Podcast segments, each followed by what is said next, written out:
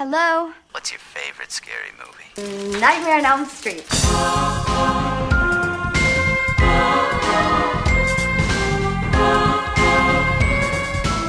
Hallo en welkom bij Julius versus Jasper, de Schokkend Nieuws podcast, waarbij we twee films bespreken, tegenover elkaar zetten en eh, uitvechten welke nou eigenlijk mag bestaan en welke weg moet. En wij, dat is Julius Hallo. en Jasper. We zijn compleet. hey, eh, Julius, Ja? we, gaan, eh, we duiken de wereld in van eh, Wes Craven. Yes. Ja, vind je leuk? Ja, waarom niet? Ah, ja. is- Misschien baal je er nog steeds van dat we nog niet Vampire in Brooklyn gaan bespreken. ja, die is wel. Dat was een van de eerste horrorfilms die ik zag ook. Vampire in Brooklyn met Eddie Murphy. Nou, die misschien. nou, la- laten we dat niet beloven, want we hebben daar helemaal geen plan voor. Maar het lijkt me nog wel leuk om die eens een keer. Ik weet nog niet tegenover welke film, maar. Maar ooit gaan we Vampire in Brooklyn bespreken. Nu gaan we het hebben over twee eh, andere films die wel wat, nou ja, los van Wes Craven's naam, wel wat met elkaar te maken hebben. Er zijn raakvlakken. En dat zijn New Nightmare en Scream. En eh, ik zal het opnemen voor New Nightmare. En dan doe ik dus Scream. Ja. En weet je wat ik meteen bijzonder vind aan deze twee films? Eh, ze zijn eigenlijk twee jaar na elkaar gemaakt. 1994 was eh, New Nightmare en 1996 Scream. En het grappige is dat beide van dezelfde maker. De een staat voor mij echt als het einde van eh, iets van horror. En de andere is echt het begin van horror. Ja. En even voor, kort voor New Nightmare in te eh, luiden. New Nightmare was eh, een film die drie jaar na Freddy's Dead kwam. Dat was dus eigenlijk in de tijd eind jaren 80, begin jaren 90. Horror was dood. Ja. Eigenlijk begon het al een beetje in 1989. Toen was, nou ja, alle grote horrorhelden waren eigenlijk al een beetje op, op hun retour. Hè? De, Freddy was, was eh, met Dream Child, eh, nou ja, sterven na dood. Eh, Michael Myers zat in deel 5, waren we ongeveer. Nou, dat ging ook, was ook niet zo'n succes. Jason zat op een boot naar Manhattan. Ging ook, het ging allemaal een beetje achteruit. Ja. En toen zei de studio, omdat Freddy's Dead was uitgemaakt, New Line Cinema zei... Ja, er zit nog wel wat geld. Ze zeiden waarschijnlijk niet letterlijk geld. Maar er zit nog wel wat geld en leven in Freddy. Dus werd Wes Craven aangehaald om te vragen van... Kun jij niet nog een sequel maken? En wat ik wel grappig vind is dat... eh, die film werd New Nightmare, daar gaan we het zo meteen ook over hebben. En die film is, is, is eh, nou ja, kritisch was het volgens mij wel een hit. Maar de film werd, is, is ongelooflijk geflopt.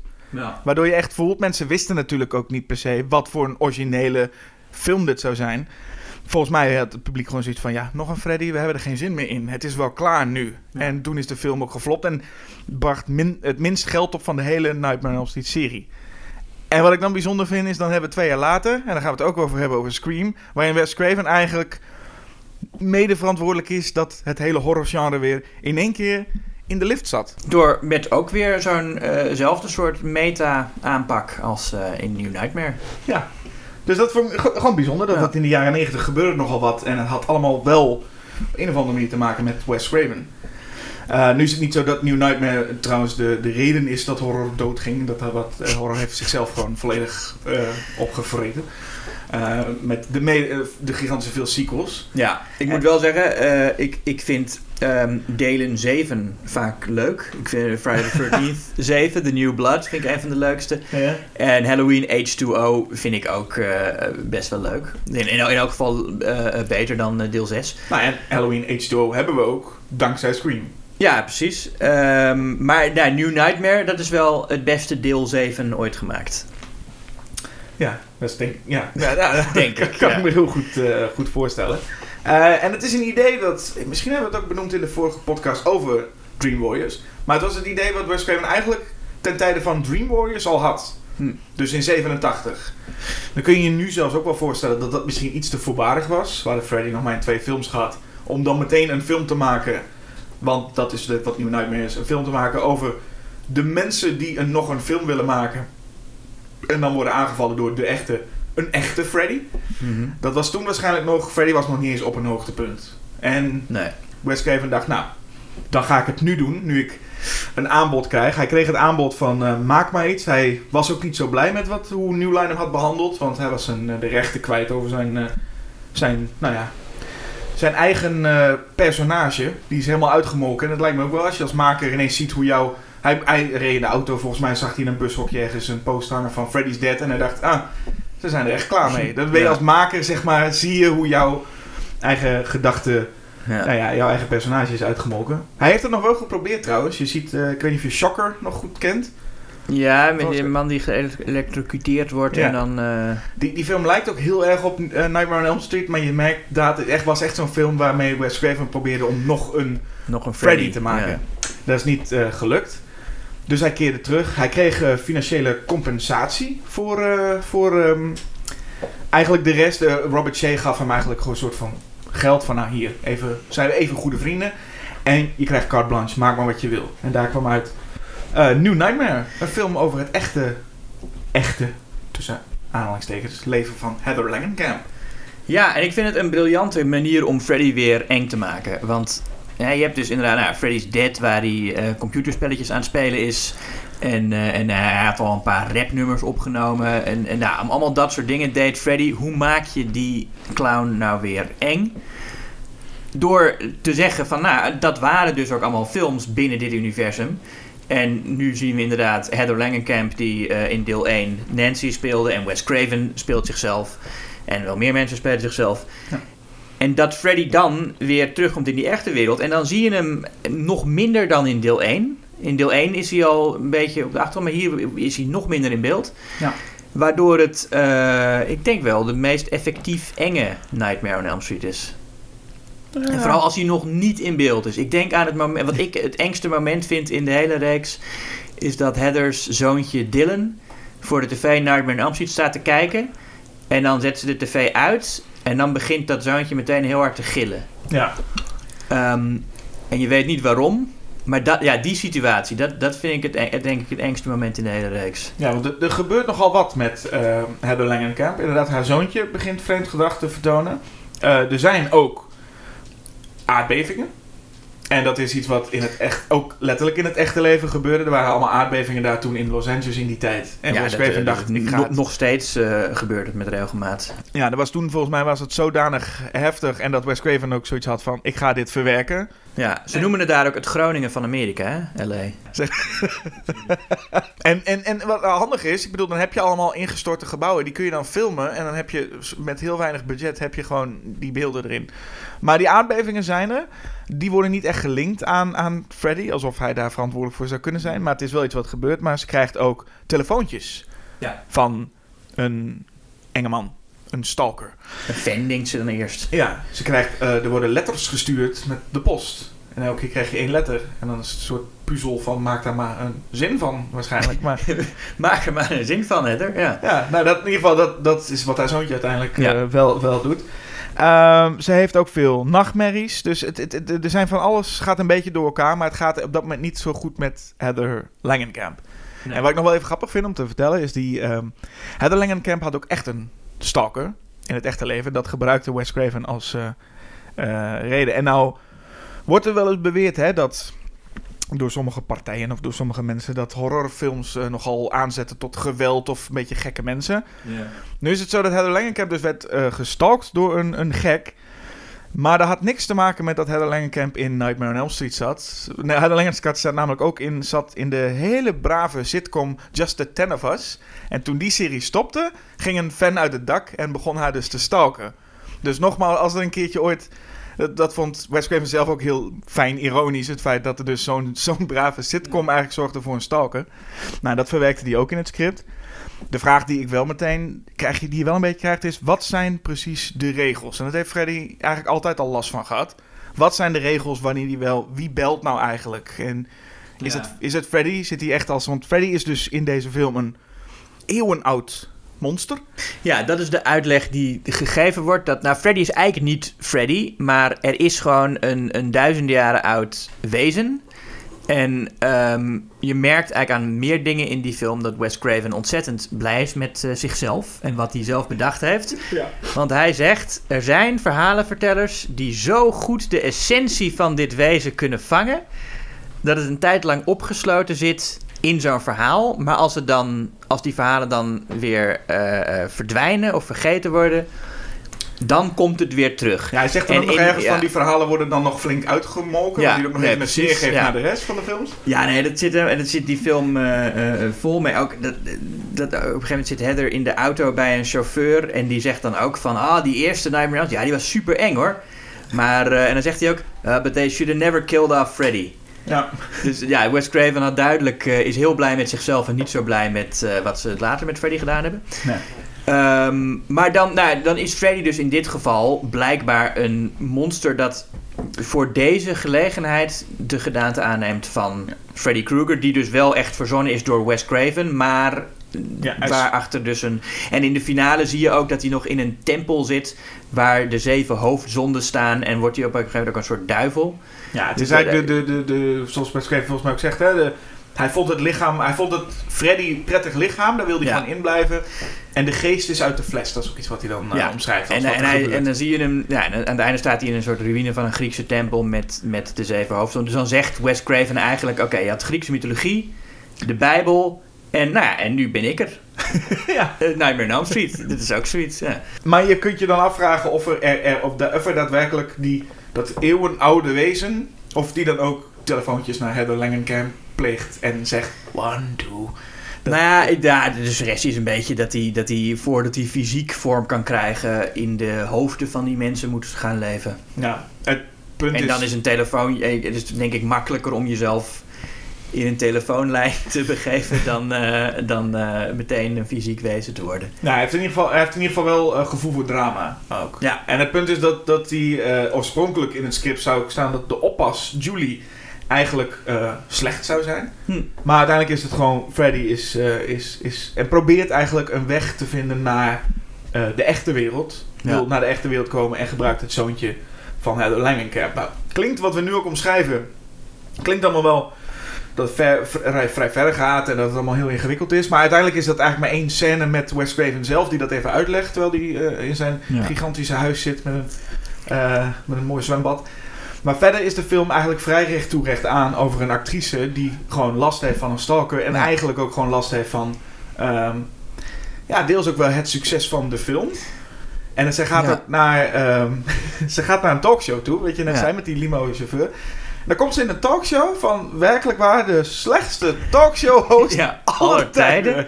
Ja. Hij eh, is een talkshow-host die dan die tegen, hem, die tegen haar zo begint te praten. En die zegt dan: Hé, hey, eh, er is een tien jaar jubileum. eh, hè? En, dan, en dan zegt zij iets over haar zoontje. Oh ja, je hebt een zoontje, hoe heet hij ook alweer? En dan zegt ze Dylan: Oh ja, maar is, is, is Freddy nou echt dood? Zo ratelt hij over die vraag heen. En het is heel raar trouwens, want zij, zij weet dat ze daar naartoe gekomen is om over Nightmare on Elm Street te praten. Maar ehm, ze, zou, ze zou dat eigenlijk helemaal niet... Ik bedoel, ik geloof niet dat haar personage dat op dat moment zou willen. Want als die chauffeur over Nightmare on Elm Street begint... doet ze ook super eh, stom tegen hem eigenlijk. Is heel chagrijnig en wil ze daar niet over praten. En denk je van, oh, nou, dat is blijkbaar iemand die geen zin heeft om nog aan die films herinnerd te worden. Maar dan gaat ze wel in zo'n talkshow eh, zitten. Ja. ja, je hebt wel het gevoel, tuurlijk dat ze er ook niet aan herinnerd wil worden, heeft volgens mij ook wel deels te maken met dat ze net een nacht mee heeft gehad. En dat is de Ja, oké. van de, van de Ja. film. Die opent een beetje als zijnde Ja. de echte Nightmare on Elm Street met een handschoen die gemaakt wordt. Ja. Maar dat blijkt dan weer niet een eh, eh, echte scène, maar een filmscène. En dat blijkt dan weer een droom. Dus hij doet één stapje verder, Ja. zet hij. Ehm, dus daarom zit ze in die sfeer. maar die, die talkshow-host komt dan met de meest bespottelijke vraag in, in, in de wereld van, van talkshows. Dan vraagt hij, hey, jouw zoontje hè, zou je die nou toevertrouwen aan jouw tegenspeler uit de eerste Nightmare film? Waarbij zij ook, dus dat is eigenlijk de vraag van, zou jij, ja, je hebt een zoontje, zou je die gewoon toevertrouwen met, met Robert England? Nou is dus de, de, zij vraagt dan ook, eh, Robert, I don't know. Dan denk je, oké, dat is best wel, toch? Is dat, is dat niet een beetje raar om te zeggen? Ja, ik snap dat je Nee, het is een die- verrassende vraag. Ik, ik moet zeggen, ik kan me voorstellen dat Jimmy Fallon ook zo'n vraag zou stellen. Dus het is niet per se Maar- de slechtste vraag ooit. Nou, maar zou je, ik, zou je je zoontje alleen laten? Ja, nee, het is een heel domme vraag. En, het, en ik bedoel natuurlijk... Ja, als- En, en, maar de, de, de talkshow-host is namelijk een bruggetje aan het maken dat Ja, het over dat- Robert ja. England gaat. Maar als dat nou je manier is om je een, een bruggetje te maken naar Robert England, als je het hebt over Nightmare on Elm Street, ja. Mwah, dan kan ik nog wel een paar andere Nee, nee, voorbeelden nee, nee, bedenken. precies. Ja. En dan, ehm, nou ja, is het ook maar goed dat Heather Langenkamp niet ter plekke zei van... Nee, die Robert England, nee, dat is zo'n vies vent, vind je? Ja. Die zou ik niet vertrouwen met mijn zoontje. Want dan verschijnt daar ook Robert England. Als Freddy. Ja. En die gaat dan een kwartier lang eh, onder luid gejuich... eh, staat hij een beetje de clown eh, uit te hangen. Ja, wat nog echt, hè, dat is een beetje de, de, het vaarwel van ook, nou ja, wat Wes Craven dan ook doet. En, en Robert England zelf ergens ook, het vaarwel van die clown. Ja. Die ook gewoon high fives geeft aan kinderen. Wat ook gewoon uit het leven gegrepen was. Dat gebeurde. Kinderen waren helemaal met Ja, elkaar verkleed. En, Ik, ik, weet, ik weet niet of het in het echt ooit zo lang heeft geduurd. Dat hij, zeg maar, dat hij voor een talkshow publiek staat en dan echt... Het gaat maar door, het houdt maar niet op. talkshow- ja, ik weet wel dat rond Dream Warriors en de Dream Master... in die periode, in de jaren 80, was het wel zo... dat er volgens mij echt wel schreeuwende fans... en, en dat echt echte, eh, nou ja, rocks- rockster eh, ge- Ja. gevoel kreeg. Maar zeker in die tijd niet, denk ik. Dat, dat, valt, dat valt vies tegen. Wat wel ook een leuke scène, of wat, wat een leuk moment is... wat ze ook omschrijven als dat dat in het echt ook zo was... je ziet dan na die talkshow dat Heather Langenkamp aan het wachten is...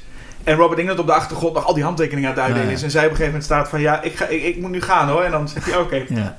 En dat schijnt ook echt een beetje het... Nou, dat schijnt het echt ook zo te zijn. Hm. Zij gaan natuurlijk samen ook heel vaak naar van die beurzen. En de rij bij Robert England is gigantisch. En ja, Langenkamp is dan vaak blij als er één of twee handtekeningen worden uit. Ja, terwijl zij toch ook een van de redenen is dat de eerste Nightmare eh, zo'n goede film is, vind Ja. ik. Maar mensen houden van het monster. Dat Ja, is dan nee, vaak het, waar, eh, het geval. Ja. Maar wat jij net ook zei, dat... ehm, er wordt alleen niet heel veel ingezoomd op bijvoorbeeld Heather Langenkamp, ja, die geen werk meer kan krijgen, bijvoorbeeld. Ik bedoel, sterk nog, ze Hm. woont in een gigantisch huis waarvan je denkt, Ja. wel- door welke rollen heeft zij... Ja, en haar, en haar vriend is een special effects maker. Ook niet per se iets waarmee je super rijk wordt. Nee, ze, ze komen wel over als een soort van, nou, ze zijn echte celebrities. Ja. Ehm, dus eh, de film gaat verder niet in op het hele feit van, Ja, nee, heel veel, iedereen herkent haar ook. Dat, dat is wel iets wat, ik, eh, wat me een beetje stoorde. Dat, of nou, iedereen, ze komt niet zo heel veel mensen tegen. Maar ja, dat zij echt nog als een, een ster behandeld wordt en ook gewoon herkend. eh, ja, nou in ieder geval... sowieso is eh, Nightmare on Elm Street in deze film... eh, maakt Wes Craven veel groter dan het op dat moment was. En misschien ook wel ooit geweest is. Want nou ja, na het moment met die talkshow heb je op een gegeven moment...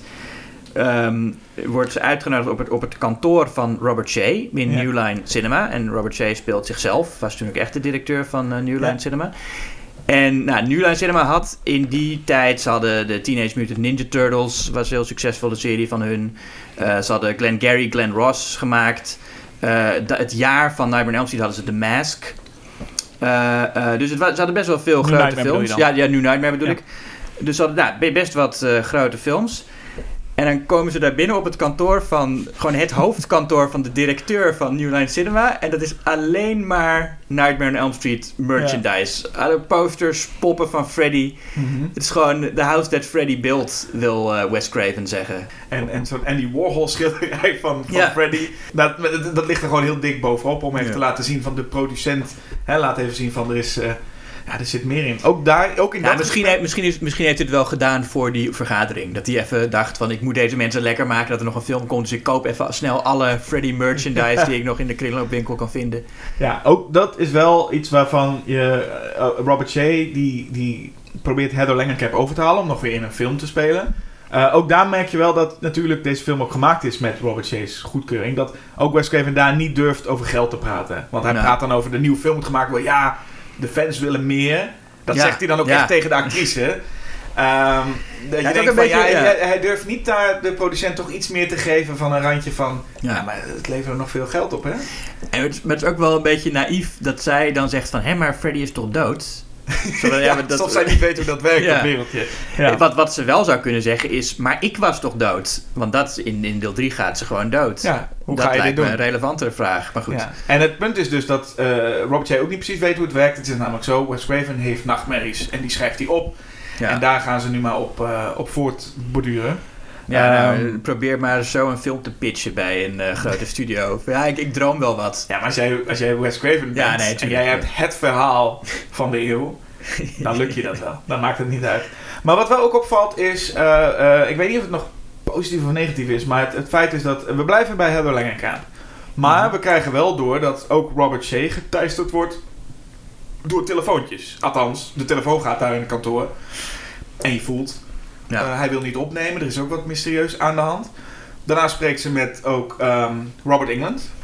En die eh, is op een gegeven moment aan het schilderen in zijn huis. En die, die schijnt ook wel iets mee te maken. Dus je hebt het gevoel dat iedereen wel geteisterd wordt. Hij ontdekt dan dat hij Freddy geschilderd heeft. Ja, daar lijkt het een En beetje daarna verdwijnt hij uit de film en weet je ook niet hoe het met hem afloopt. Nee. Wat, wat, wat ik allemaal wel leuk vind. Het is wel mooi dat het mysterieus blijft. Ja, terwijl ergens, maar misschien praat ik nu iets meer als een fanboy dan, eh, maar ergens eh, gemiste kans om Freddy versus Robert England te zien. Dat zou ik in ieder geval wel heel graag willen zien. Maar ook Robert Shea en ook Wes Craven eh, hebben nooit een conflict of confrontatie of nachtmerrie met Freddy. Het is echt wel, het blijft bij Heather Langenkamp. En ergens maakt dat de film wel mooi klein. Maar stiekem had ik wel ergens nog gehoopt dat er, weet je wel, elk personage komt even voorbij. Maar ik had het ook niet erg gevonden om een scène te hebben met Wes Craven. eh, in een, eh, er, is, er is ook een verhaal dat het oorspronkelijke script had dat Wes Craven een soort van eh, helemaal gek geworden was en in de achter, achter in een busje zat en daar zat te typen. Terwijl hij werd rondgereden door Michael Berryman van The Hills of Ice. Oh? En dat zou eigenlijk zo'n ding zijn. Dat Craven ook meer... Maar dan moest hij waarschijnlijk ook meer acteren. En dan, moest het echt, dan werd het echt zo'n beetje een gek. En hij, hij bedacht, nou weet je wat, ik geef mezelf wel gewoon een scène in een soort van mooi huis met een zwembad. En waar hij gewoon heel gewoon droog vertelt eigenlijk van, hier is het verhaal klaar. Maar er zat dus wel wat meer speelse elementen in. Maar eigenlijk blijft alles is niet heel belangrijk. Het gaat vooral over Heather en over Haar haar zoon, ja, want je zei net, eh, Heather heeft, wordt getuigd door nachtmerries, maar dat kind nog, eh, nog veel meer. Wat ik super ook, eh, wat ik wel echt heel mooi vind en heel aandoenlijk, is eh, zijn band met ook eh, zijn knuffel Rex.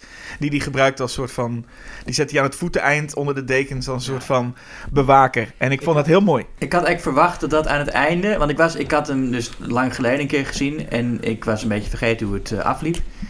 En ik had verwacht dat Rex aan het einde nog echt een rol zou spelen. Dat, het, dat, dat Rex ook een echte dinosaurus wordt. Of een zo. Dream Warriors, dat ze een echte dinosaurus zou worden. Ja, want ik- zo cheesy. Het, want het, het wordt op momenten wel echt cheesy nog in die finale. Het begin is heel, eh, eh, ja, voor een Nightmare on Elm Street film eh, subtiel eng.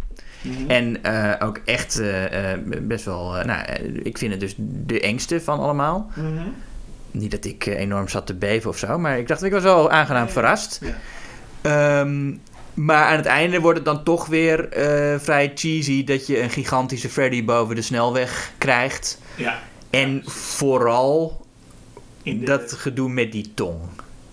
Ja. Dat is hoe ze dat, dat aan het einde moet Freddy toch weer iets met zijn tong doen. En dan wikkelt hij zijn hele tong eh, om het lichaam van Heather. Ja. En, en dat ziet er ook gewoon niet uit. Maar dat is gewoon, dan denk je van ja, maar dit is, dit is, dit is zo jammer. Ze, ze, ze eindigen wel weer in, in, in Freddy zoals hij eigenlijk ook was. Want heel veel mensen zeggen ook wel dat hij in de eerste film doodeng is. Maar ook in de eerste film maakte hij wel grapjes en eh, one-liners kwamen er wel voorbij. En dat blijft hij hier ook wel doen. En dat was niet nodig. Ik had deze film wel meer willen zien als een soort van eh, stille Freddy. Gewoon die niet praat. Ja. Maar eh, hij heeft in ieder geval een hele nieuwe look gekregen. Ja. Ik twijfel ook een beetje. Maar goed, de, de oorspronkelijke Freddy was natuurlijk een klein mannetje. Vies. Alles was vies. Vieze trui, vieze handen, alles. Hier is Freddy super schoon. Ja. Hij is, komt, het is allemaal net van de stomerij. Mooie eh, nieuwe groene hoed. Een, een lange, lange jas heeft hij aan. En een strakke leren broek. Dat ik ook Ja. nooit had verwacht dat dat eh, Freddy's modeding zou zijn. Maar nee, hij heeft een, een strakke leren broek aan. Ja, nee, dit is de andere Freddy. Zeg maar. Ja. Maar hij ziet er anders uit. Best, hij ziet er behoorlijk anders uit. Maar hij gedraagt zich her en der nog wel echt als de Freddy uit de Ja. vorige... ja, dat vind ik, ik vind het dan jammer op die momenten. Ja. Er zit wel één leuke verwijzing in naar de beroemde telefoonscène uit het eh, origineel. En waar, hij, waar zijn tong uit de telefoon komt.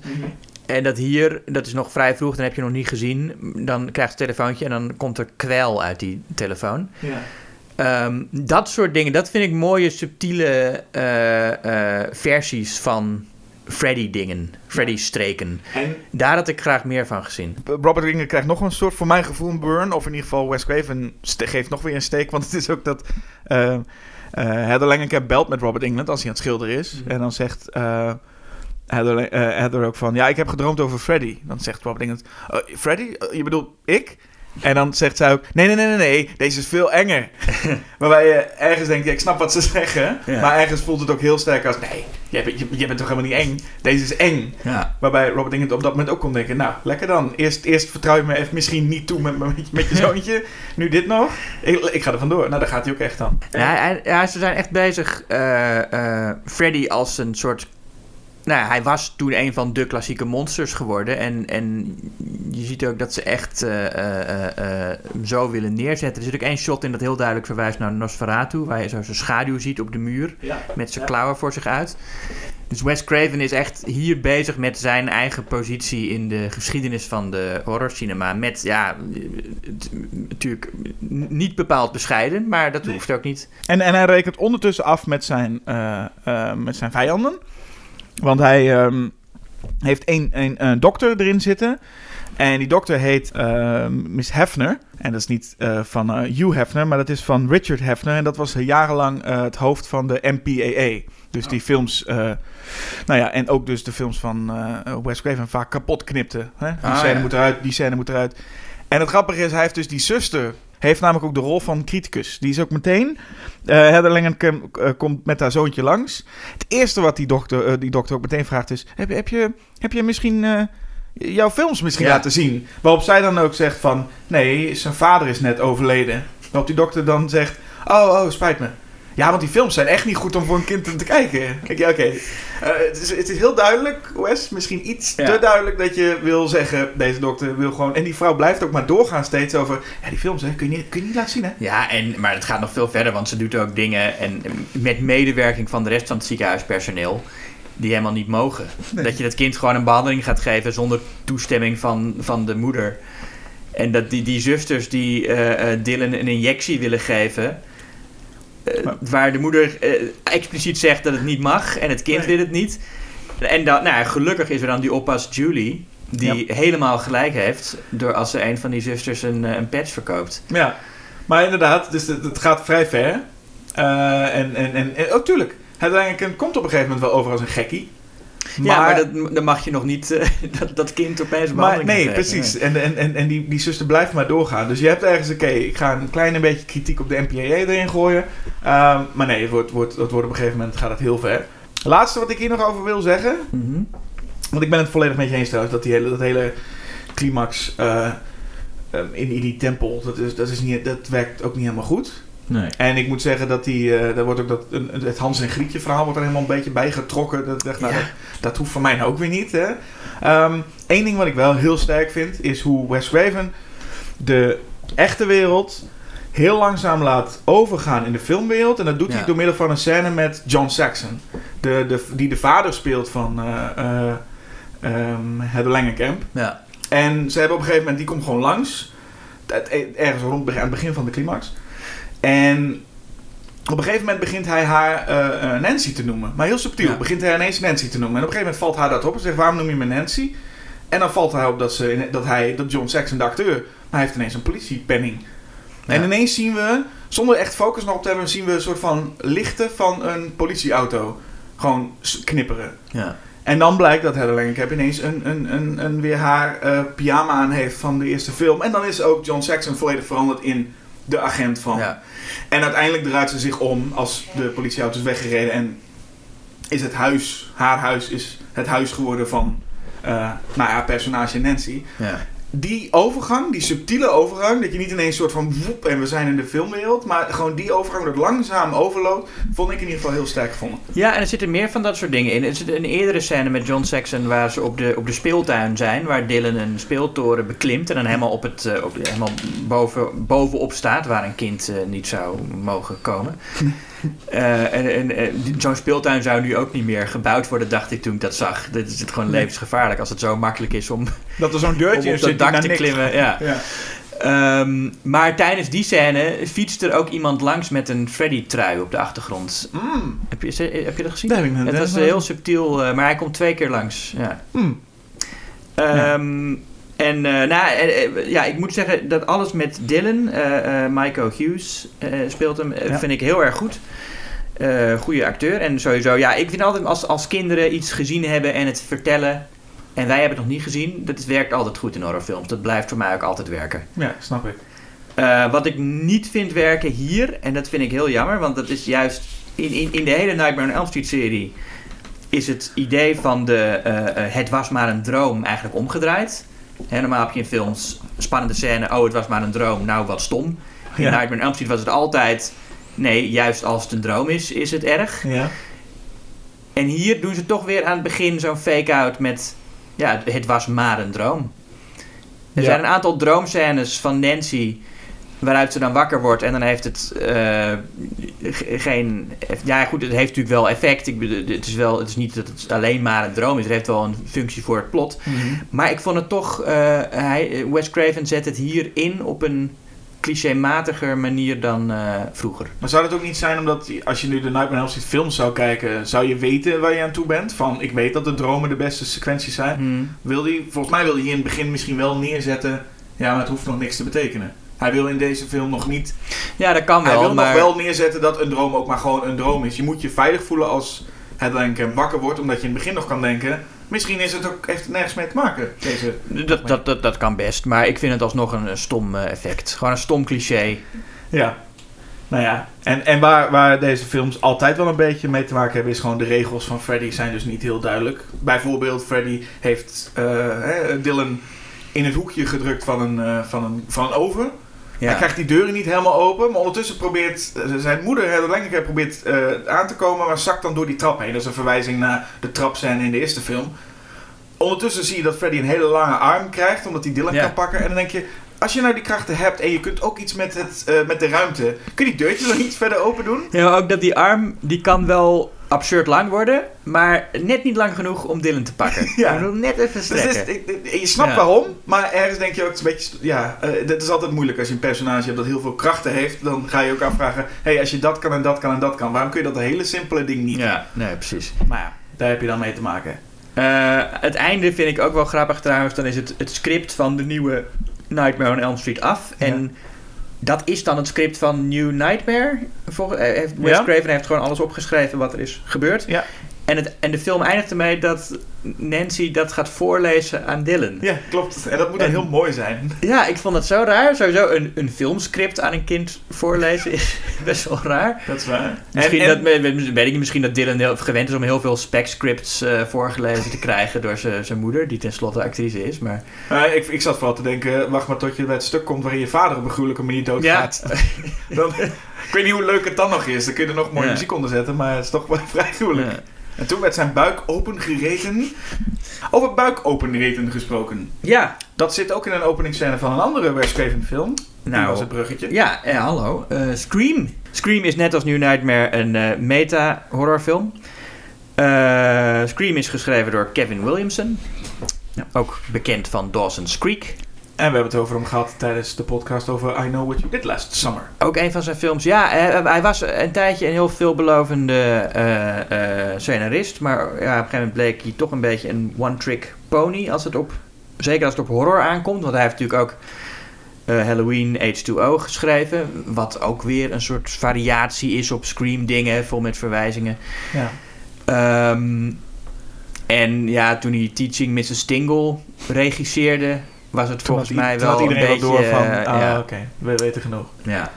Ehm, ja, soms heb je dat. Iemand die gewoon één eh, best wel briljant idee heeft en daarna eh, is, het, is het klaar. Maar het is wel geestig, omdat je inderdaad, naar aanleiding van New Nightmare, zou je kunnen denken: oh, natuurlijk is Scream van Wes Craven, want hetzelfde gedachtegang. Ja. Maar het script komt helemaal niet van hem. Nee, en het was ook eerst eh, ook niet per se voor hem bedoeld. De John Carpenter is nog benaderd om Scream te regisseren.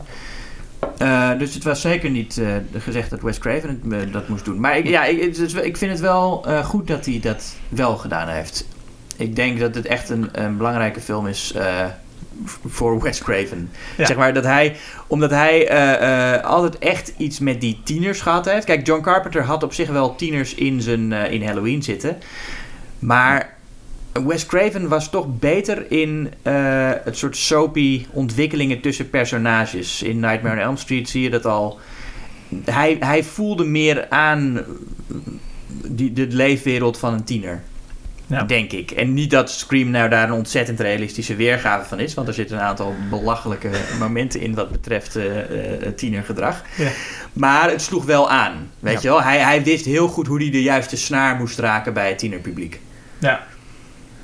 En het, eh, nou ja, het is dus een, eh, wat je zei al, een- van die meta-humor in een, in een, of ach, gewoon een meta-film, wat in New Nightmare resulteert in echt een, over, de, over het maken van de film. Bij Scream is het vooral, het is een film in een universum waar horrorfilms bestaan. Ja. En de personages dat ook gewoon weten. ja, waar iedereen erkent van we hebben, dit, eh, we hebben dit gezien, we weten hoe dit gaat.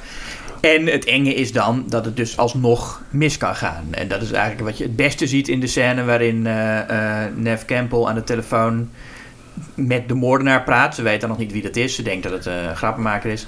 En die vraagt van, eh, hou je van scary movies? En dan zegt ze van, nou nee, het is allemaal hetzelfde. domme, dom meisje dat de trap oprent terwijl ze de deur uit zou moeten rennen. En, in, en nou goed, later komt de moordenaar bij haar binnen en wil zij de deur uitrennen, maar heeft ze die op slot gedaan. En heeft ze geen tijd meer om dat slot er vanaf te halen voordat de moordenaar... Dus, dus En moet zij ook de trap oprennen. En dat is aan de ene kant grappig, dat ze precies datgene doet waarvan ze net eh, eh, geklaagd heeft dat het, dat het zo'n cliché is. Aan de andere kant is het ook ehm, spannend van... oké, je, je, je kan wel al die, al die films gezien hebben en al die regels kennen... maar het maakt niet uit, want je, gaat toch dood. Weet je, het, het- feit dat je alles weet... maakt het niet minder gevaarlijk als er een moordenaar achter je aan zit. Nou, Ehm, ja, dus daardoor, daarmee wordt het, het, het slasher-genre nog wel de realiteit ingesleurd. Ja, en, we- En- en, en, de, de kijker werd die film echt ingesleurd, want het was een nieuwe, hè, wat we al zeiden, nieuw iets voor, voor, voor horrorfans. Het, het, en ik denk dat de openingsscène ook meteen daar Ja. heel erg, eh, nou ja, dat is ook wel volgens mij het wat mensen ook vooral, maar destijds zeker, eh, van dachten, holy shit, wat gaan we nu krijgen? Ja, eh, Drew Barrymore, ehm, op dat moment en nog steeds wel de grootste ster uit die film. Nev Campbell was, heeft er even ontstegen in roem, maar die is nou ook een beetje vergeten. Ja, het was wel wat we met I Know What You Did Last Summer en Urban Legend, die podcast ook bespraken. Dit zijn allemaal namen die je in die tijd heel veel tegenkwam, maar nu niet van Nee, de wat meeste best- niet echt nee. meer wat hoort. En dat zie je ook aan het feit dat er weer een Scream 4 is en waarschijnlijk misschien ook nog wel een Scream 5, dat weten we niet. Maar elke Scream film kwamen toch alle acteurs weer terug. Ja. Een beetje op de van, ja, mijn filmcarrière is niet echt van de grond gekomen. Ik ga nog een keer naar Scream toe. Ja, nou ja, goed, Courtney Cox eh, was natuurlijk ook al met Friends een behoorlijke ster. Was een En, behoorlijke eh, ster, en, maar eh, filmcarrière is nooit Nee, nee, nee. nooit. nee, nee. eh, nou ja, en, en, en David Arquette ook niet. Nee. Eh, en ik heb ook al volgens mij al heel lang niet meer gehoord over hoe heet die, eh, eh, die Billy speelt. Skeet Ulrich. Skeet Ulrich. Nee, dat is de meest... nee, die, die, daar hoor je echt niks meer van. Terwijl had, die, had toch de potentie, of in ieder geval, ik weet niet of de potentie voor acteren was, maar dat leek een beetje zo'n type wat een Johnny Depp had Ja. kunnen zijn. Maar hij, ik heb geen idee waar hij is. Nee, ik ook, nou, en, en van Neve Campbell vind ik het ook wel jammer, want dat vond ik een hele goede actrice. Ehm, verder, nou, Jamie Kennedy, die Randy speelt, eh, heeft eh, eh, behoorlijk gênante dingen gedaan. Hij doet hier al best wat gênante dingen, vind ik. ja. En later is hij alleen maar... Eigenlijk is dit ja, zijn beste film geweest. En hij is inmiddels... ja... Zit hier in Tremors 6? Ja, zit hij daarin? Volgens Ja. mij zit hij daarin. Nou, hij is inmiddels gewoon een soort grap. En ehm, er was er nog één die ik wilde noemen. Nou ja. Nou goed, oh ja, Henry Winkler natuurlijk als de, de, de, de, Oh ja. de, de, de fans. Nou, De fans. Ook, wel een ster, maar goed, dat is echt een cameo. Maar dat was inderdaad een, dat was een, dat, die zat erin voor het eh, oude publiek. Ja. En ik bedoel, want ik neem aan dat de doelgroep van Scream had geen idee wie die man was. Yes, Henry Winkler! Kom je mee naar de nieuwe Henry Winkler film? Kom. Nee, nee de, doelgroep van, nee, de doelgroep van Scream ging naar de Drew Barrymore film. Daar, daar begin ik over. Zij staat ook op, op de poster heel groot in er eentje. En eh, dat zij dus doodgaat in de openingsscène was al, al best een schok. En wat ook een schok is, is dat dat niet zoals in de meeste tienerslashers... je bent dood en dan zie je even het lijk en dat is het dan. Maar dat haar ouders thuiskomen en dat zij nog eh, via de telefoon eh, contact heeft met haar moeder. Ja. En dat ze dan dat lichaam zien hangen. De- ja, dat maakt het ook nog zoveel schokkender. En, en eh, confronteert je ook met die realiteit die je in een, in een Friday the 13th al snel vergeet. Nee, want sowieso, maar sowieso in, in horrorfilms, dus in- in- vaak in slashers, ouders zijn er ook nooit. Nee. Dus dat in dit geval de ouders zo komen, wat je even weer een gevoel van veiligheid geeft. Want hé, hey, er Ja. komen volwassenen. eh, dat maakt het extra cru. Dat het dan Ja. alsnog gewoon misgaat. En dat voelt het inderdaad reëel daarvoor. Maar die hele scène is heel sterk opgebouwd. Nou, we noemden net al de kritiek die eh, Wes Craven een beetje over de Nightmare on Elm Street films. Die zit ook in de openingsscène van Scream. Nou ja, ja. Dan, eh, welke film ga je kijken? Of wat is je favoriete horrorfilm? Ja, Nightmare on Elm Street. Oh ja, die ken ik, die is eng. Ja, alleen de eerste, zegt Drew Barrymore dan. Ja. Maar de rest is kut. Ja, en als het nou... En nou, het is wel zo, die, die regel stond dus al in het script. En Wes Craven eh, was er niet, had, had nog gevraagd of ze die eruit konden halen. Oh zo? Ja, Oh. Ja, je zou zeggen, als je nu Nightmare gezien hebt... zeggen dan... Zou eh, je verwachten dat Drew Barrymore misschien zou zeggen alleen deel 1 en deel 7? ja. En de rest is kut. Maar nee, dat, eh, nee Wes Craven die, die wilde niet per se zijn eigen films eh, erin. Nou ja, dan na de gruwelijke moord op, op Casey, heet ze, Oh ja. ontmoeten we onze heldin, Nev Campbell, Ja. aan het werk. En dan komt haar vriend Billy Loomis binnen. Nou, Loomis, haha, verwijzing. Dat soort dingen. Dat soort dingen. Ja. Ja, dat soort dingen. Eh, en die wordt, nou wat interessant, nou goed, we, we, hebben, we weten nu, ik bedoel, we laten het maar gewoon zeggen, we weten het allemaal dat Billy Loomis de moordenaar is. Of een van de twee moordenaars. Ja, ja.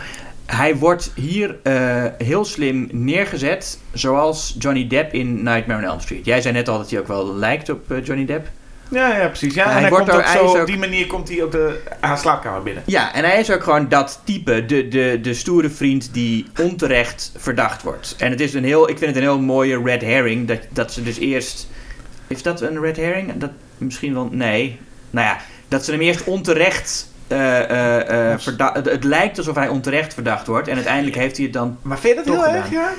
Ik ik, ik, ja, oké, misschien, oké, we komen zo meteen op het grotere punt, maar hier is het dus, als jouw vriendje, dus misschien aan alle dames, als jouw vriendje zegt, ik keek The Exorcist en toen moest ik aan onze relatie denken, ik weet niet, dan komt er bij mij ook wel een deel koekoek. Heb je dat wel eens geprobeerd? Heb je die openingszin nog wel eens... Nee, maar dat is ook toch ook, een, dit is toch ook grappig. Ik bedoel, hij zegt dan van het was de televisieversie. Nee, als ik, als ik hem dat zo zie zeggen, met eh, eh, ehm, van, eh, ja, ik, ik, ik dacht over, ik zag de, die Exorcist kijken en ik keek naar onze relatie. Hij brengt dat wel serieus. Ja, hij wil er wel een serieus punt mee maken. Ja, dus Ja. had, hij voor, gaat, had hij voor mij een klein beetje wel een psycho gevoel. Maar wat, Hm. dat moet natuurlijk ook. En dat doet Kevin Williams hier ook. Hij maakt ook eigenlijk iedereen ook mogelijk schuldig. Jij zegt hij Ja. zet hem hier onschuldig neer. Maar tel, hij, hij zet hem neer als zeg maar zo'n zo, zo duidelijk dat je moet denken dat hij het is. Dat je eigenlijk denkt, nee, dat is te obvious. En dat hij eigenlijk ook vrij snel vergeet je die mogelijkheid. Ja. Nou ja, en we komen later in de film, wat de film ook heel mooi dateert, eh, komen er ook achter. En dat is heel opvallend. Hij heeft een mobiele telefoon. Ja, en die valt uit zijn zak. Valt uit zijn zak en dan is het meteen echt van, hè, dan is de politie ook meteen van, ja, wat doe je daarmee, jongen? Ja, hij zegt, what, what are you doing with a cellular phone, son? Ja. Ja, heel mooie regel. Dat had toen nog dat. gekund. Dat kon, volgens mij twee jaar later kon het al bijna niet meer om dat te zeggen. Dus eh, Ja. volgens mij, eh, ja, dat, dat maakt, geeft die film wel een heel mooi, mooie plek in die tijd. Ja, en eh, nou ja, goed, op, op school eh, eh, krijgen ze dan het nieuws, horen ze dat, dat Casey vermoord is. Het interessante is dat het wordt meteen, zet Kevin Williamson heel erg in op die whodunit. Wat in, in de slashers uit de jaren 80 eigenlijk soms wel eens aanwezig was, maar nauwelijks heel veel aandacht kreeg. Ik bedoel, in Sleepaway Camp is het een whodunit, maar het is niet zo dat iedereen de hele tijd rondloopt van wie heb het nou gedaan en een beetje detective spelen. Eh, nou, Friday the 13th is het ook de, de eerste waar het dan eh, Jason's moeder is, zoals we weten van eh, de openingsscène van Scream. Ja, dat zijn wel allemaal van die... Ik weet, ik weet te weinig over hoe dan is, maar het zijn wel allemaal films waarbij je ook als kijker het niet, had, niet kan weten. Ja. Er is niemand die Friday the 13th ziet en denkt, nou, kan maar zo een Nee, en- en- die en- nu bedenk. Nee, dat- en die personages zijn ook helemaal niet bezig met wie zou het nou zijn. Terwijl hier is dat echt meteen, die hele school, er wordt ook meteen gevraagd, do they think someone from school did it? Wat best een rare vraag is, als iemand van school wordt ga vermoord. je, ga je in eerste instantie vaak toch uit van een, echt een buitenstaander of een familielid. Ja, en, maar iedereen heeft meteen... ideeën dat het iemand van school zou zijn. En er zit één ja, tamelijk potsierlijke scène in waar Sydney op de wc zit. En dat ze dan twee meisjes hoort praten. En dan is het blijkbaar zijn tienermeisjes ontzettend geïnteresseerd in eh, detective verhalen en, en, en eh, criminologie. Want dan zie je zo twee tienermeisjes met heel op bitchy toon zo een beetje discussiëren over. Nou, wat zou het motief kunnen zijn? En oh, ik, ik denk dat ik het wel weet hoor. Sydney, stel je voor, haar vader is dood. Of nee, haar moeder is dood. Ja. En het is een heel, ja, heel, heel belachelijk eigenlijk, maar, Ja. maar ook wel grappig. Ja. Weet je, waarom, weet, je, weet je waarom men begint, meteen begint met zou het iemand op school zijn? Nou, Omdat iedereen, ik moet zeggen bijna iedereen, maar iedereen in Scream is een klootzak. Het zijn zulke onsympathieke personages, allemaal bij elkaar. Ga- Oké, gaan we. Oké. Komt-ie. Oké, je hebt dus hè, Gail Weathers. Dat is al meteen iemand die wil... Die wil, die wil eh, dat is eh, eh, Courtney Cox als de nieuws. Ja, die wil levens redden. Waarom wil ze levens redden? Om boeken te kunnen verkopen. Oké. Dan heb je... eh, er is een, een meisje vermoord op gruwelijke wijze. En eh, meteen daarna lopen jongeren in die school rond... in de kleding van die moordenaar rond te rennen. Nee, Ja. dat kan. Dat is misschien discutabel of dat smaakvol is. Maar nee, dat is gewoon echt... De, dat zou je echt niet doen, lijkt mij. Nee. Eh, vervolgens zijn er inderdaad die pestkoppen die eh, Sydney dan tegenkomt in het toilet. Die ook echt beginnen over haar... Ja, maar haar moeder hè, die dood is. Dat, is echt, dat was echt een slet hoor. dat, dat, hoe, hoe, of ze nou weten dat ze erbij Ze weten niet dat ze erbij is, maar dat doe je niet. De, de, de, eh, Sydney wordt op een gegeven moment aangevallen. Dan komt de hele pers, niet alleen Gail de hele pers naar haar toe. En stellen ze ook meteen een, een microfoon onder haar neus met... How does it feel to almost be slaughtered? En je hebt dan vervolgens ook een groep tieners op een feestje. Die horen dat de schooldirecteur opengereten ergens hangt. En met z'n allen gaan ze met toeterende klaksons. We gaan er naartoe, we gaan kijken. Dan denk ik. ja. En in al dat- die mensen Ja. zit dus ook nog daadwerkelijk iemand die dus mensen neersteekt. Je zou het bijna vergeten. hè? Want Ja. het is gewoon één grote bende aan klootzakken hier hoor. Ik vind het wel leuk dat eh, op het moment dat ze dus allemaal wegrijden om het lijk van de directeur te bekijken, dat eh, de horrorfan als enige achterblijft. Ja. Ik denk dat Wes Craven daarmee misschien ook wel een punt maakt van. e- echte horrorfans die houden gewoon van nep worden. En eh, ja. Ja, maar het is dus. eh, en het is ook geestig om te ontdekken dat van al die mensen die ik nu omschreef. niemand de moordenaar ook echt is. Dus Nee. er zitten nog twee andere mensen in die het nog iets verder nemen en besluiten om mensen te vermoorden. Maar daar komen we zo vast wel op waarom ze dat doen. ja, nou ja, het zijn er dus twee. Wat ehm, misschien een beetje valsspelerij is. Dat je zegt van. Want hij, het is wel, hij, hij heeft natuurlijk alles zo in elkaar gezet dat op elk moment iedereen eh, verdacht kan zijn, een motief kan hebben. Je, hebt, je zit ook echt te denken van, als je hem nog nooit gezien hebt, nou, misschien is het wel eh, eh, Gil Weathers. Maar doe je dat bij deze film?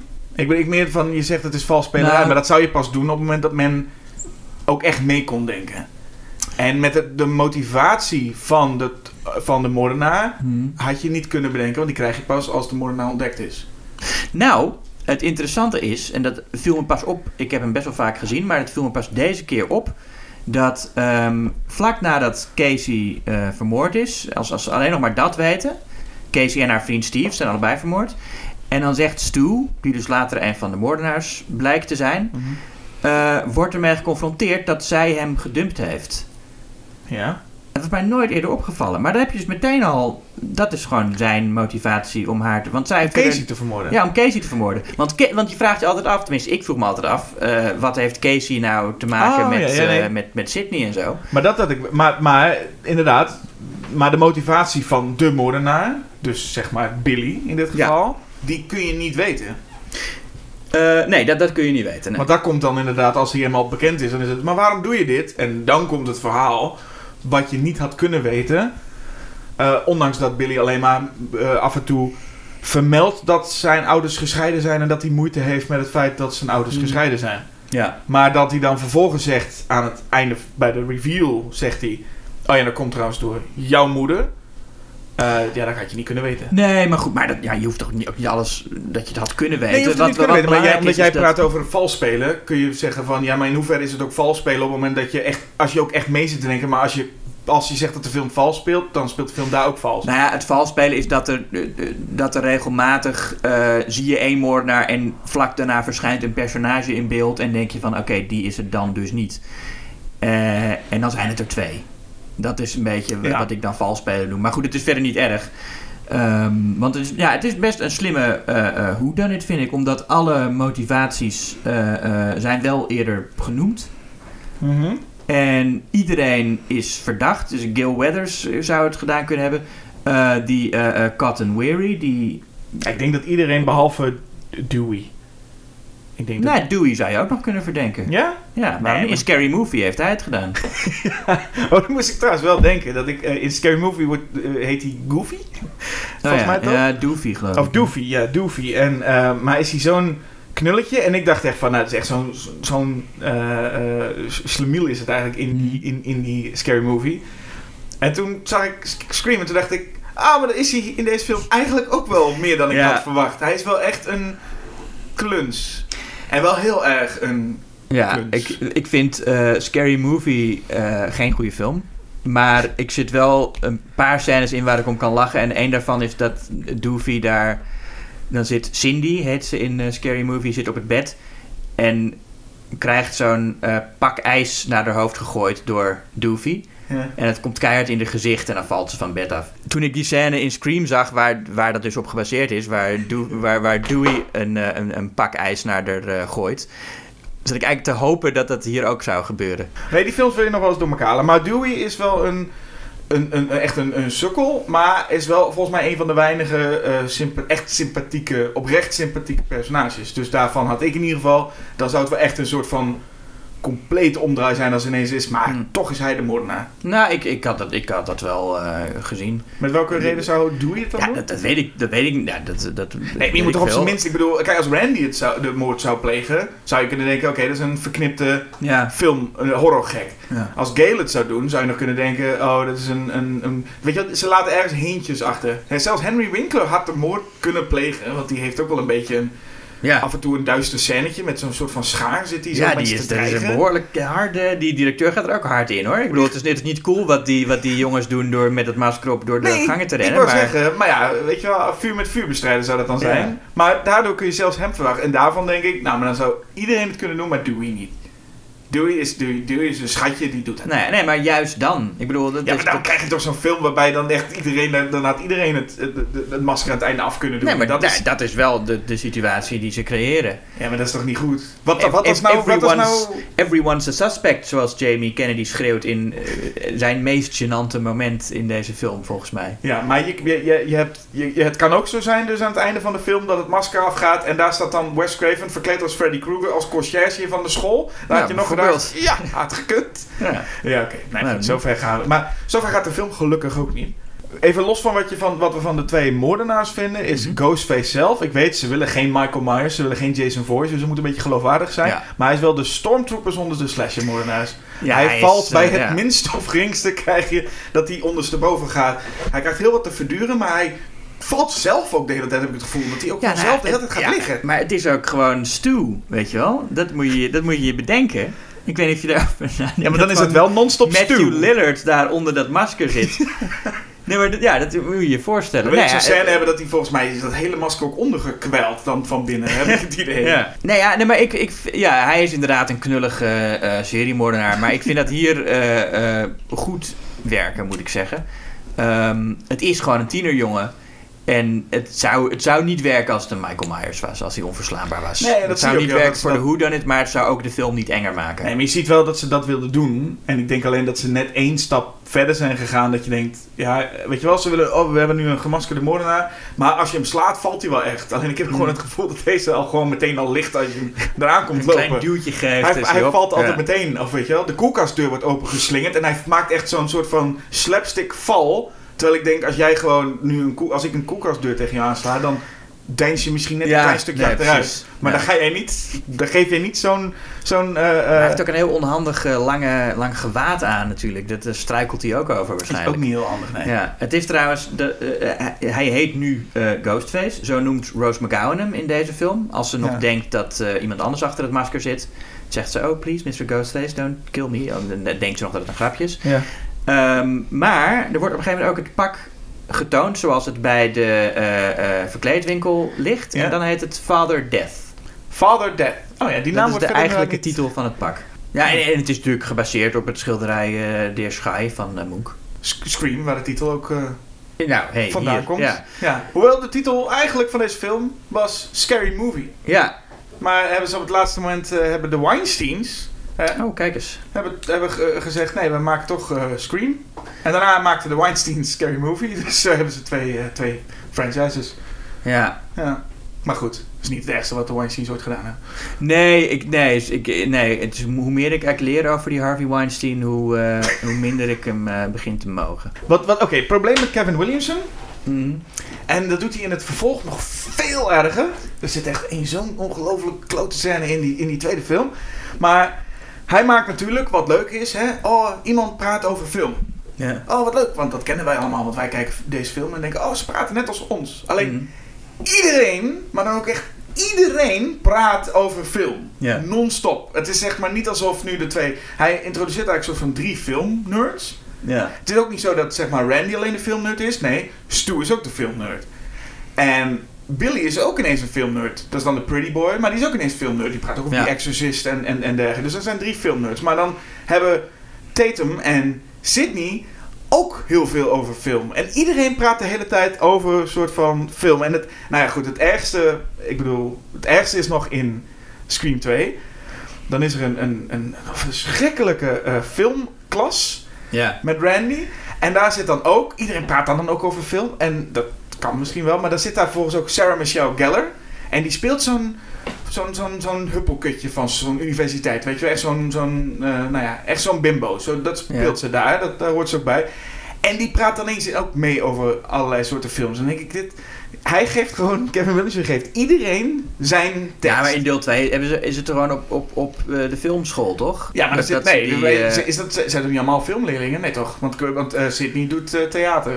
Oh ja, wacht even. Oh, ja, nee, maar daar zitten er echt zo'n, maar dat is dan echt zo'n bimbo clubje, weet je wel? Die Ja, komen ook nee, echt aan en dat is echt zo'n, zo'n sorority girls, weet je wel? Ja. En dan zie je die ineens praten en dat gebeurt in deze film ook. Zo'n Tatum. Nou ja, nee, maar kan dat... Ja, nee, maar kan dat niet? Ik bedoel... Ja, het- eh, nou, eh, dat kan niet dat iedereen dat doet. Nee, nou ja, Dat kan nee, niet. nee, tuurlijk, dat is, dat is dan wat in deze film... Dat is de wereld van Kevin Williamson. En het is, leuk dan, dat, eh, het is leuk dat Kevin Williamson dat wil proberen, maar hij, hij- maakt dan niet dat iedereen dat doet. Randy moet de filmnerd zijn die Hmm. mensen gaat uitleggen over de regels. Ja. Waarom zit hij die regels uit te leggen aan allemaal personages die donders goed weten? Waarom zit hij aan Stoel Nee, uit te nee, maar, leggen dat, hoe de nee, maar er zijn? ook heel veel, heel veel tieners daar op het feest die dat niet weten. Geen idee, die heb ik niet horen praten. Nee, maar precies, ik, als nou, ik het maar- moet maar- baseren op, op, op alle andere personages, iedereen praat de hele tijd over een film. Dan zijn er gewoon willekeurige politieagent zou kunnen zeggen van, het is wat, hè, als dit een film zou zijn, zouden we nu in de derde acte zijn. Ja, dat, zulke dingen... Dat, Wat mij meer stoort, en dat is in de vervolgen ook nog meer zo, dat Randy eigenlijk helemaal niet zo goed weet waar hij het over heeft als hij die regels die beschrijft. regels slaan ook nergens op. Nee, en in, maar in deel 3 heeft dat het ergste. Want daar is, nou, Randy wordt in deel 2 vermoord. Maar in deel 3 heeft hij nog een videoboodschap. die hij dan voor zijn dood Oh, ja. heeft opgenomen. Ja. En dan zegt hij van, nou ja, eh, als, als je dit kijkt ben ik dood. En is het, is het blijkbaar een trilogie. En in een trilogie is het altijd zo dat in deel 3 eh, kan alles. En dingen die je dacht zeker te weten blijken opeens niet waar. En iedereen kan dood.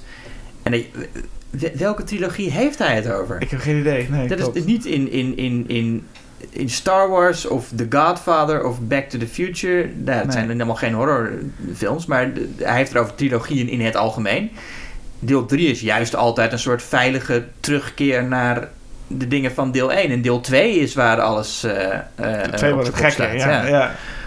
Maar goed, sowieso. Hij, hij, hij, hij gaat in Scream 1, leg- legt hij ook de, de regels uit van de slasher. En dat doet hij aan de hand van drie regels. Ja, drie, waarvan de laatste is eh, nooit zeggen I'll be right back. Ja, nou ja, dat, dat zal dan wel. Natuurlijk is dat niet zo. Ik bedoel, dat is als grapje, zodat Stu kan zeggen, be right back. Maar dat Nee, is nee, toch... het, dat het is wordt, het, wordt wel, het wordt wel eens gezegd voordat iemand doodgaat, omdat dat gewoon iets is wat je zegt als je. Dan zeg je, eh, ik bedoel, dan zou het moeten zijn, never split up.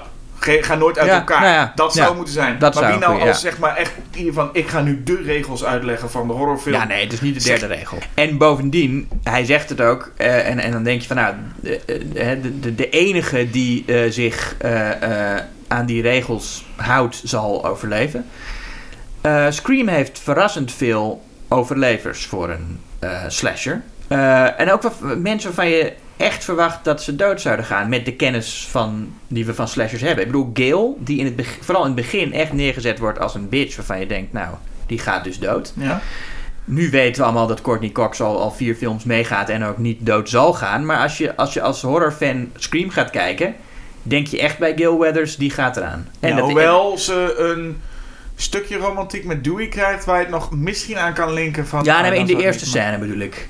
In de, in, gewoon in de allereerste scène waar je Oh ja, zo. Nee, maar, ja, nee, precies. Zeker. Ja. Maar Randy had ik het ook mee. Randy dacht ik ook, die gaat eraan. Dat, Ja, maar goed, maar die blijft leven. Nou, de, Dewey blijft natuurlijk leven. En eh Dewey blijft Neve elke Campbell film natuurlijk. leven. Dewey wordt elke film wordt Dewey eh, bijna de keel doorgesneden. Ja. Maar in elke film eindigt met dat hij op een brancard gereden wordt.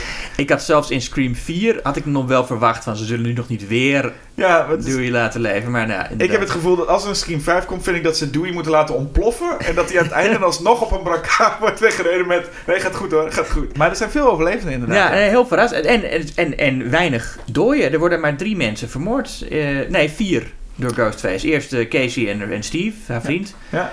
Eh, Henry nou, dan Winkler. Henry Winkler, het schoolhoofd. Ja. Die er eigenlijk niks mee te maken heeft. Maar Nee, maar ja, en de, ik snap ook niet zo goed waarom. Wat dan de motief... Ja, omdat, omdat, het, omdat het schoolhoofd stom is of zo. Zou ja, dat de reden zijn? Denk ik, ja. Ehm, en Rose McGowan dan. Nou ja, en, en, en Gil's cameraman.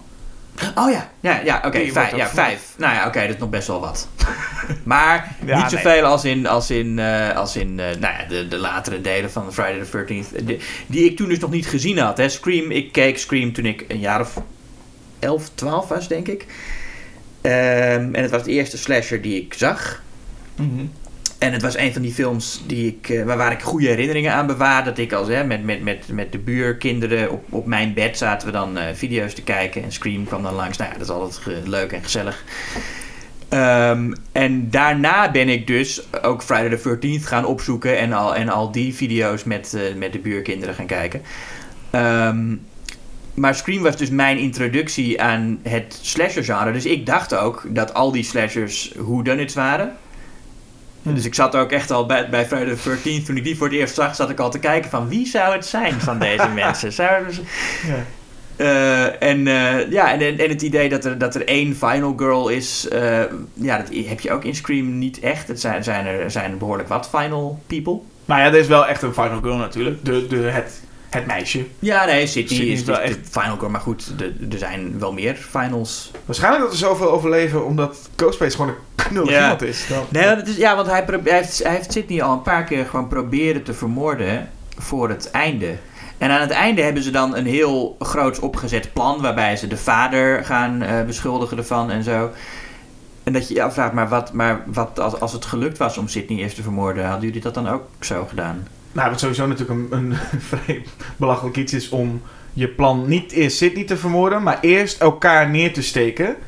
En, Ja. dan, pa- en dan pas Sydney te vermoorden. Nee, ja, dat, is niet een wordt- goede volgorde. Nee, die finale, dan, dan gaat het ook, nou sowieso een, een schurk die eerst zijn plan uitlegt. Eh, ik snap het op zich nog wel, omdat ze een soort sadisme hebben. En zeker Billy eh eh, jegens Sydney. Dat ze haar echt willen laten weten wat Nee, er aan de hand is. Hij wil wel vertellen waarom hij het doet. Gewoon dat ze nog even weet wat, wat, Ja. dat hij het ook is. Dat Nee, snap precies. ik wel. Maar Dat- ga maar- dan niet elkaar daarna nog neersteken en dan pas Sydney. Ja, nee, dat hele gedoe. En, en, en, en, dan- en, en ze blijven ook maar praten. En op een gegeven moment staat Billy ook op het punt om Gail dood te schieten.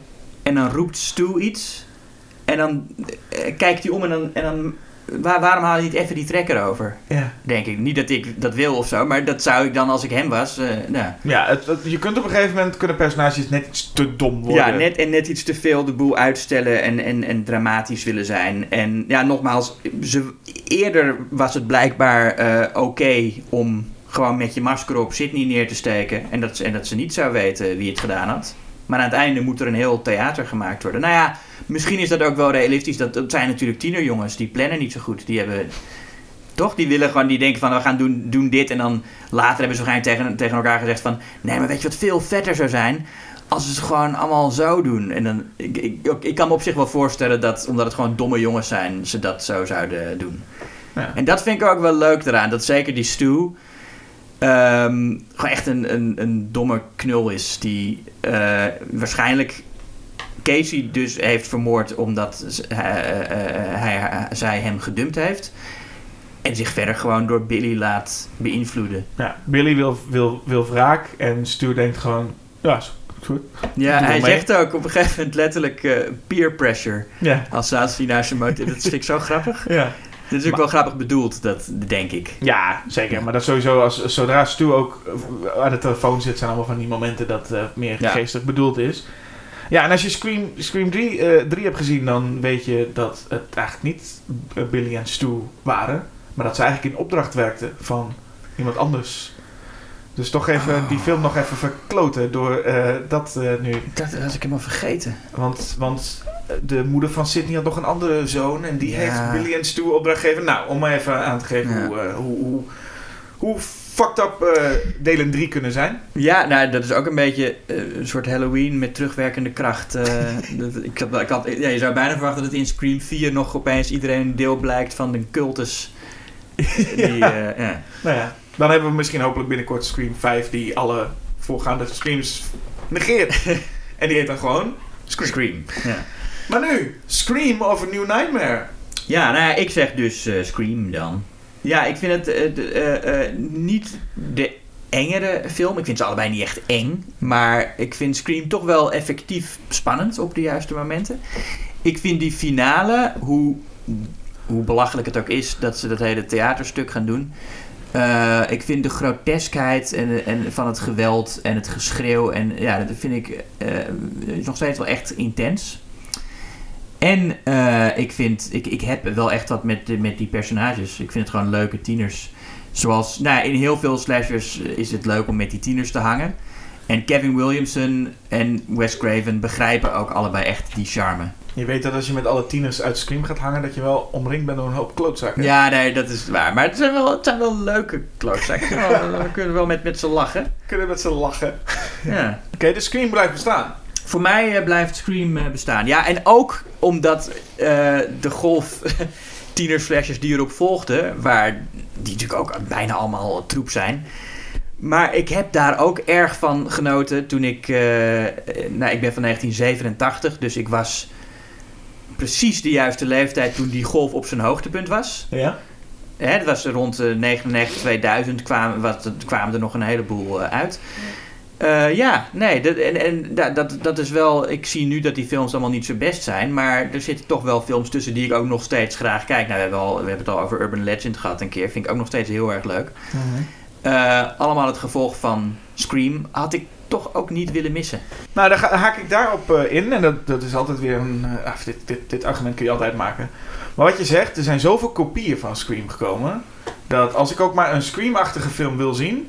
kan ik naar Scream 2, 3, 4, zijn minder goed. Kan ik naar Urban Legend, I Know What You Did Last Summer... en nog honderden misschien wel dat soort films.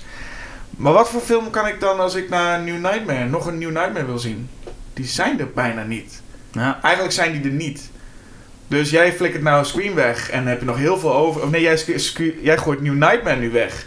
En houdt Scream over en al die andere dingen. Maar ik kan New Nightmare niet weg gaan doen. Want waar blijf ik dan zo'n originele insteek houden? Die kan ik nergens meer zien dan. Daar heb je een punt. Ja, dacht ik ook. Ja. Nee, maar... ehm, Ik zou er tegenover zeggen dat, dat Scream wel de enige echt goede is van de bekende van de slashergolf. Scream 2 is ook nog wel oké.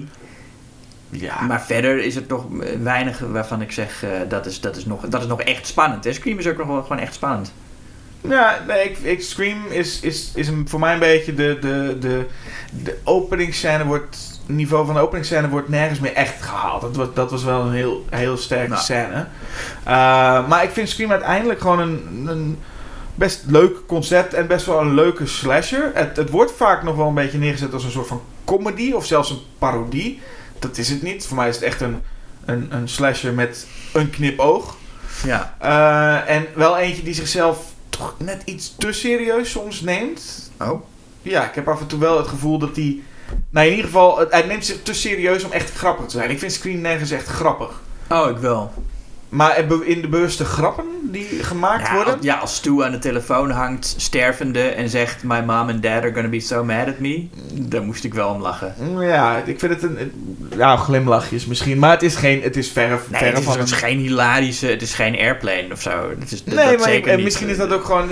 Ik, ik hoor hem gewoon vaak als een soort van, nou, dit is echt een hele goede parodie. En dat is, dan, dat is gewoon een verkeerde woordkeuze dan, wat mij betreft. Ja, dat denk ik ook. Ik, er zitten een paar kleine slimme dingetjes in. Er zit zelfs één klein dingetje in. Ik weet niet eens of het heel bewust uh, in het script stond. Maar dat uh, Jamie Kennedy ligt op een, uh, een bank en is uh, aan het schreeuwen naar de televisie waar Jamie Lee Curtis aangevallen wordt door Michael Myers. Of waar Michael Myers achter haar zit. Ja. En roept naar het scherm: Look behind you, Jamie. Look behind you, Jamie. Terwijl achter hem. Ja. Dus hij roept eigenlijk. Dat, vind ik, dat was een klein ding. Maar ik weet niet of misschien dat Jamie Kennedy daarom gecast was, omdat hij Jamie heette. Dat ze daar nog een leuk. Dat ze dat. ik zou, dat kan. Ja. Maar ik vond het wel leuk dat hij dan Look behind you, Jamie. Ja, dat en hij daarna naar zichzelf zou roepen. Ja, en, en daarna krijg je nog weer een, een metaversie daarvan als Kenny in de bus waarmee hij alles stiekem filmt. Met vertraging die beelden ziet en zegt: Look behind you, kid. Dus er zitten leuke dingen in. Maar New Nightmare is voor mij wel echt. Ik, ik, los van wat we net allemaal bespraken, dat het een hele originele film is. En ik vind het ook een fijn iets. En dat neem je dan ook weg als je New Nightmare wegflikkert. Is, ik vind het ook fijn dat de Nightmare on Elm Street serie los van Freddy vs. Jason als een soort spin-off en de remake, dat de serie gewoon een soort van uh, twee boeksteunen heeft van, uh, van Wes Craven. Dat het gewoon begon bij Wes Craven en dat hij het ook eindigt. Tien jaar later heb je echt, ik vind het een mooie box met beide films van Wes Craven aan de uiteinden. Ja, dat zeker, zeker. Dus, En ik moet ook zeggen, je gunt Freddy een beter einde dan Freddy's Dead. Uh, toch? Nou, je, je, vraagt het net de verkeerde persoon. Ik vind Freddy's Dead heel leuk. Oh. Het, het, maar waar, vooral waar het om gaat is los van... Want ik vind Wes Craven's Nightmare is niet eens is niet de beste Nightmare on Elm Street film. Ook. Ik vind dat er betere films in die serie zijn. Mm. Maar het is wel het meest originele. Ja. En ik vind het, dat idee... Ik bedoel, het is niet alsof we ook, weet je wel... Een, ook een Halloween film hadden gehad met... John Carpenter die aangevallen wordt door Michael Myers. Of waar nee. Sean S. Cunningham wordt aangevallen door, uh, door, door, door Jason of uh, zo. Dat hebben we stel, niet. Stel je voor dat Sean S. Cunningham dan zegt... Ja, sommige verhalenvertellers weten zo goed de essentie van het kwaad te vatten. Dat was best leuk. Jason... Ja. En dat had ik wel leuk gevonden als John Carpenter wordt aangevallen. Dat hij gewoon echt ook gewoon als een soort van Norse man in een stoel zit. En het interesseert hem allemaal niks. Zoiets. Maar um, dat hebben we allemaal niet. We hebben alleen maar New Nightmare. Dus Ja. die, die wil ik wel behouden. Die wil ik niet weggooien. Beetje mal. Ja. Maar wat zou de luisteraar dan doen? Ja. New Nightmare wegflikkeren of Scream? Nou, zeg het maar. Ja, zeg het maar. Zeg wat het je ook maar zegt. zo hard dat wij het hier kunnen horen. Ja, schreeuw op de, uh, op de drie. Schreeuw je antwoord. 1, 2, 3. Oh, Oh? dat, dat, dat, dat had ik Dat nou weer niet nee, verwacht. had ik er nooit verwacht. Nou, bedankt voor deze reactie. En ik zou zeggen... Tot volgende keer. keer.